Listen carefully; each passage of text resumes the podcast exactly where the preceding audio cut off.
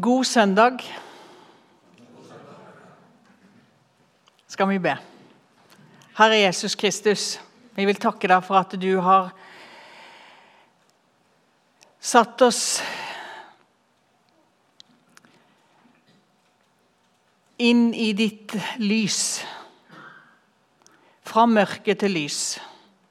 Og vi vil prise deg fordi at du ble et sonoffer for oss.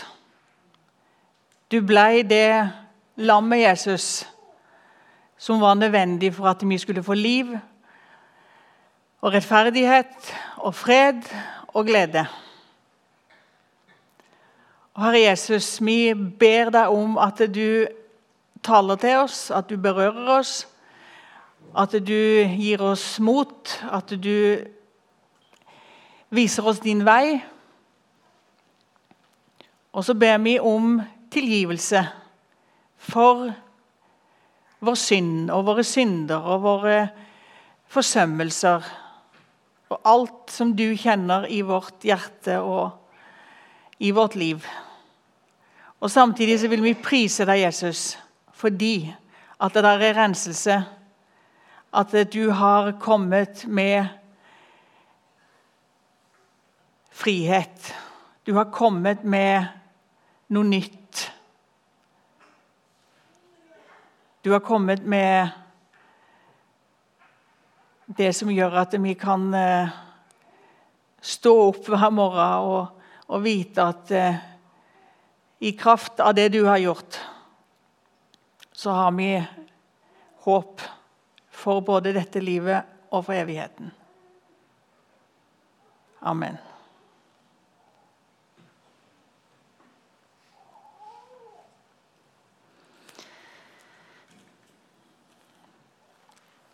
Johannes døperen, han kom litt før Jesus kom på banen.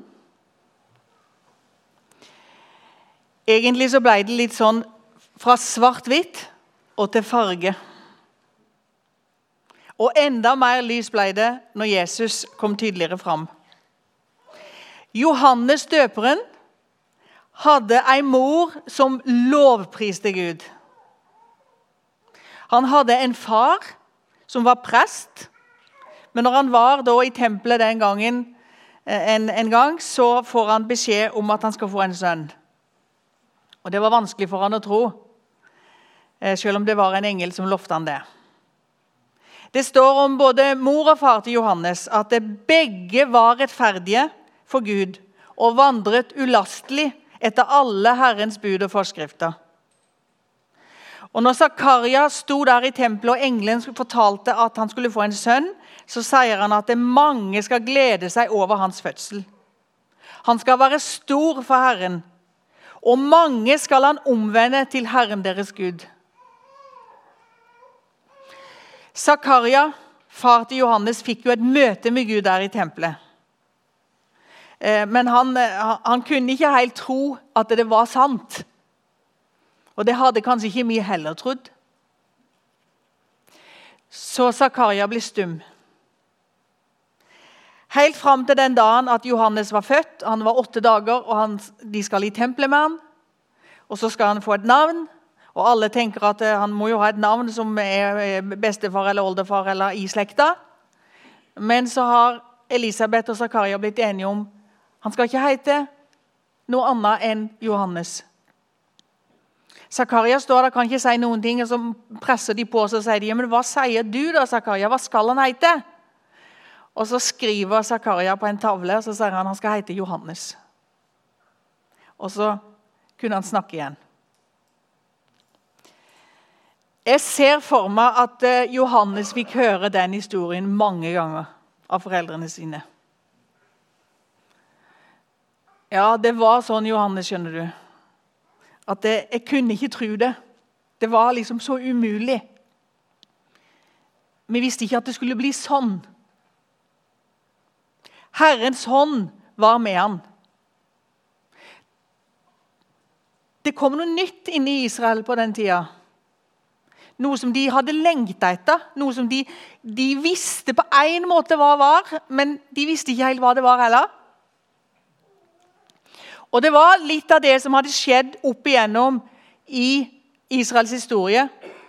Når profetene kom på banen. En gang når Jeremia hadde profetert for kong Sidkia, så eh, sa han eh, ting som kong Sidkia egentlig ikke likte å høre. Og kong Sidkia hadde mange profeter som han kunne spørre, og som snakka han etter munnen. Men så var det nå bare sånn da, at han hadde tatt Jeremia ned i et fangehull. Men så begynner det, så kommer det sånn en stemme inn i kong Sitka, så tenker han det hadde jo vært veldig interessant å vite egentlig hva Gud vil. Og så kaller han på, på Jeremia i hemmelighet, og så spør han han er det noe ord ifra Herren? Og så sier Jeremia, 'Ja, det er'. Og så sa han, 'Du skal bli gitt i Babelkongens hånd'. Er det noe ord ifra Herren? I det 15. året av keiser Tiberius sin regjering så står det i Skriften da kom Guds ord til Johannes. Da skjedde noe av det samme. Og området rundt Jordan og i ørkenen og folka som var der, de ble berørt av et ord ifra Herren. Folket gikk i forventning, og de begynte å lure på kanskje kan det være Messias? Og de hadde venta så lenge. De hadde venta i 400 år. Og det hadde egentlig ikke vært en profet som hadde kommet med det ordet fra Herren som traff de i hjertet. Og så begynte de å lengte. Så ble det en sånn forventning i folk. Et ord fra Herren. Det er liksom noe helt annet. Hva lengter du etter i ditt kristenliv? Hva lengter du etter? En berøring fra himmelen? En tiltale fra Gud sjøl? Kanskje kommer det på en annen måte enn det en tror. Og Så kom Johannes og så sa han, omvend dere. La det være samsvar mellom liv og lære. Hvor er hjertet deres egentlig? Og de, de kom i skarer ut til Johannes. Når Johannes levde, så hadde de jo de gamle, gode, rette religiøse rammene. De hadde templer, de hadde synagogene, og de hadde opplesning av skriftene, og de hadde bønnene og de hadde familiefeiring av sabbaten. De hadde jo hele Israels historie som de, som de gjentok og fortalte hva som hadde skjedd, og hvordan Gud hadde grepet inn. Alle visste på en måte hva det gikk i. Og så ble det litt sånn Vi har jo Abraham til far. Det skulle jo bare mangle om ikke Gud tenker på oss og sørger for oss. Jeg hører faktisk noe av det samme rundt om på bedehusene. Der folk sier om sine barn eller naboer eller familiemedlemmer, så sier de De vet jo veien. Nei, de gjør ikke det. Hvis ikke de har ånden, så vet de ikke veien. Da stoler du på en sånn teoretisk to pluss to-teologi, og at det skal sørge for at mennesker blir omvendt. Men det gjør det ikke. Og det visste de ikke på Johannes sin tid heller. De visste egentlig ikke hva det gikk i. For de hadde ikke ånden.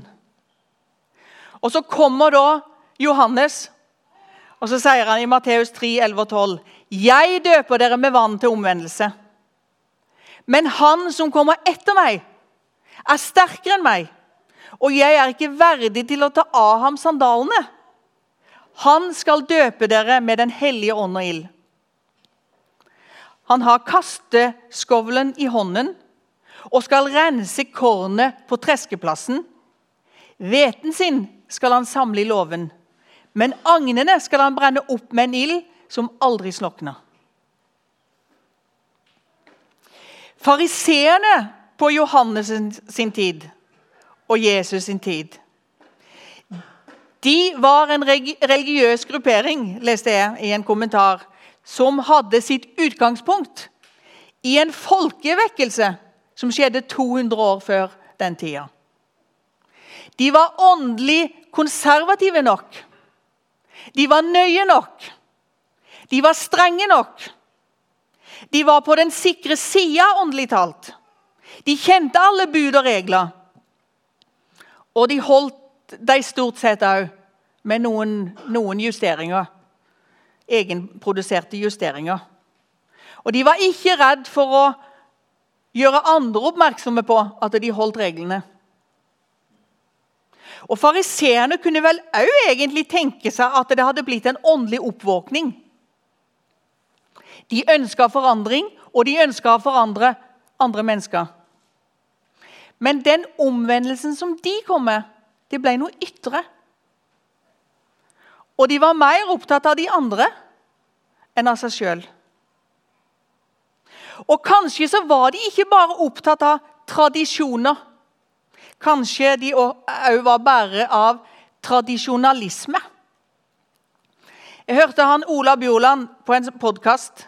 Det vil si, jeg leste en eh, tekst eh, som var gjengitt av han. Og Da sa han litt om tradisjoner. Og tradisjonalisme er to forskjellige ting. Så sier han tradisjon er fint. Det er noe vi må holde på. 2. Tesalonikerbrev 2,15.: Stå derfor fast, søsken, og ta vare på overleveringene vi har undervist dere i, enten muntlig eller i brev. Så når det gjelder gode, viktige og nyttige tradisjoner, så må vi holde fast på det. Men tradisjonalisme er noe annet. En har sagt det slik Tradisjon er den levende tro hos dem som er døde. Tradisjonalisme, derimot, er døde skikker hos de som lever nå. Det er, det er å holde fast på et legalistisk system, regelsystem, istedenfor det friske liv og den grenseløse frihet som Jesus gang på gang presenterte for menneskene som var bonde av tradisjonalisme. Tradisjon er den levende tro hos dem som er døde. Tradisjonalisme, derimot, er døde skikker hos de som lever nå.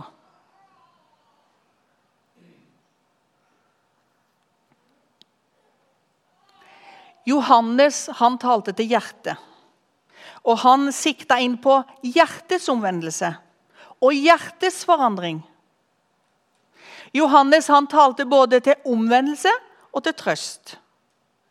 Hos Johannes så kunne de få bekjenne syndene sine, og de kunne få forberede seg på noe nytt som skulle komme. Evangeliet er det gode budskapet, men evangeliet setter òg et skille. Johannes levde for noe større. Han hadde en større horisont.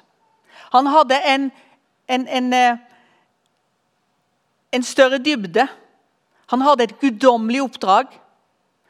Han skulle rydde vei for Messias. Vet du, Johannes han levde i omvendelsen sjøl òg. Når Jesus kom, og eh, enden på visa ble at Jesus ble døpt, så sier Johannes men jeg kan ikke døpe deg, Jesus. Det er jo jeg som skulle bli døpt. Han visste det. At det var jo egentlig han som skulle bli døpt. For det var han som trengte omvendelse. Og han sier, 'Jeg har ingenting mot han. Han er sterkere enn meg.' 'Jeg er ikke verdig til å bære skoene hans.' Og Johannes han sier jo sjøl at Han visste ikke hvem Jesus var. 'Jeg kjente ham ikke', sier han. Men han visste at han skulle være veirydderen for han som er veien, sannheten og livet. Og den dagen når Jesus da kommer, så forstår Johannes òg at det er, jo, det er jo Jesus. Og han sier til dem, eh, alle som er der, så sier han det. Um, Se der Guds lam som bærer bort verdens synd. Da hadde han fått Jesus fram på arenaen. Det var derfor Johannes var kommet. Og han bare gleda seg når Jesus samla mange disipler. Johannes bare gleda seg når Jesus samla flere folk enn han. Da visste han nå trekker jeg meg tilbake. Nå er det Jesus som skal gå videre. For menneskene på den tida de var så trøtte. Det var ikke lett å forholde seg til fariseernes budskap. Eller kanskje din indre stemme som sier Bli bedre. Vær nøyere. Skjerp deg. Ta deg sammen. Prøv å være på den sikre sida. Johannes forberedte veien for Messias. Og hva sa Messias? Kom til meg, alle dere som strever og har tungt å bære. Hva sa han til Thomas? Se på såra mine, Thomas. Han kunne kjefta på han. Han gjorde ikke det. Se, jeg har satt foran deg en åpnet dør. Se, jeg har tegnet deg i mine hender. Heller ikke jeg fordømmer deg. I dag vil jeg komme med tilgivelse til dette hus. Det er sånn Jesus snakker. Sånn snakker ikke fariseerne. Og sånn snakker mange av oss snakker ikke sånn heller. For vi vil tvinge folk til å omvende seg. Vi vil tvinge folk til å mene det samme som oss. Vi vil tvinge folk. Men det går ikke. Det går aldri. Du kan ikke få de som er uomvendte, og som ikke har Guds ånd, til å tro og mene og leve etter Jesu bud og gode vilje. Og Så har de hørt på Johannes og så har de hørt på Jesus. Og så var det akkurat som de satt i et fengsel. Og nå kom det en som åpna alle dørene og portene. Ut i frihet. Moses han sa til sitt folk en gang en bolig er den eldgamle Gud her nede hans evige armer. Det er han fremdeles. Men vi har hørt og forstått enda mer. Og Johannes har hjulpet oss med å forstå det, og Jesus sier det. Jeg skal etterlate meg min ånd, som skal bo i dere. Og Johannes sa han skal døpe dere med Den hellige ånd og ild. Han vil bo i hver den som tror. I fariseersystemet så er det som å leve med et overvåkningssystem som når som helst kan avsløre deg og straffe deg. I troen på Jesus, i åndens liv, så er det som ditt indre går fra svart-hvitt og til farge. Et liv i trygghet, i fred, i glede. Som gir retning og håp.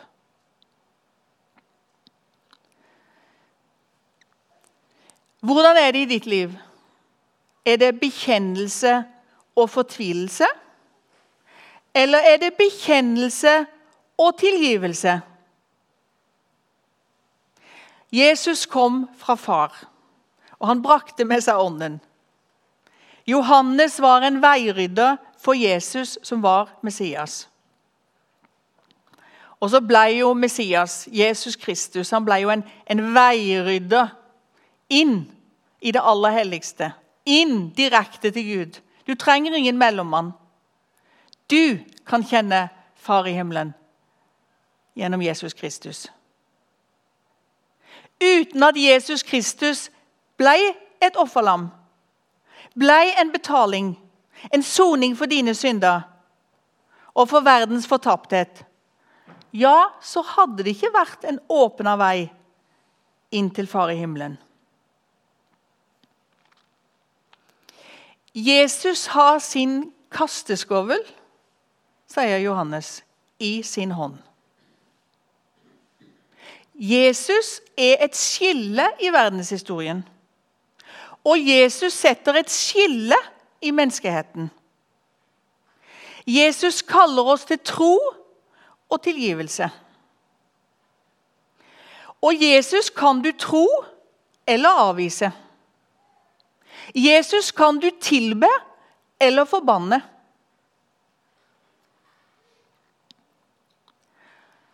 Og så er det Jesus som skal dømme. Det er ikke vår sak. Men det som er vår sak, og som er min sak her i dag, det er å si nå er det nådens tid. Nå er det tid å søke Jesus. En gang så kommer Jesus tilbake, og da skal du møte han enten som frelser eller som dommer. Johannes han tok dommen innover seg. For dommen gjaldt jo hele Israels folk. Og han sa det er jo jeg som må bli døpt Jesus. Hvem er det du dømmer? Hvem er det jeg dømmer? Er det alle de andre? Er det de som er utenfor? Og så blir jeg akkurat som en sånn fariseer som tenker at men jeg, heldigvis så har jo jeg midt på det tørre. Dommen og fortaptheten gjelder oss alle. Frelsen gjelder den som tror. Og uten Den hellige ånd så hadde du ikke forstått eller trodd eller erfart hvem Jesus er. Hvor mange er det ikke her som kan si 'Den dagen som møtte Jesus meg', da forsto jeg det. Da ble jeg frelst. Da, da, da forsto jeg mer av hvem Jesus er. Den hellige ånd er en tilrettelegger og en veirydder inni deg og for deg i dag. Jeg har fortalt det mange ganger før. Men når jeg var 16 år, så tror jeg for min del kan si at jeg, jeg har trodd på Jesus siden jeg ble døpt. Men så er det sånn en vokser opp, så forstår en mer og mer av hvem Jesus er. Og da satt jeg i eh, Gimlehallen og hørte forkynnelse. Og så var Guds ånd der, sånn at det er som 16 år ja, Kanskje den, den gangen så var det ikke det viktigste at jeg forsto så mye, for jeg hadde så lyst til å forstå så veldig mye. Det var sikkert ikke så mye, men Men den gangen så forsto hjertet noe. Får da Sønnen frigjort dere, da blir dere virkelig fri. Da kan det bli et sånn tidsskille. En vendepunktserfaring.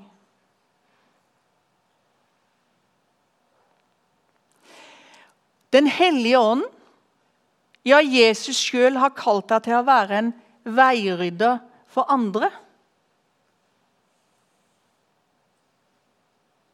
Hvilken veirydder trenger nabolaget ditt eller familien din?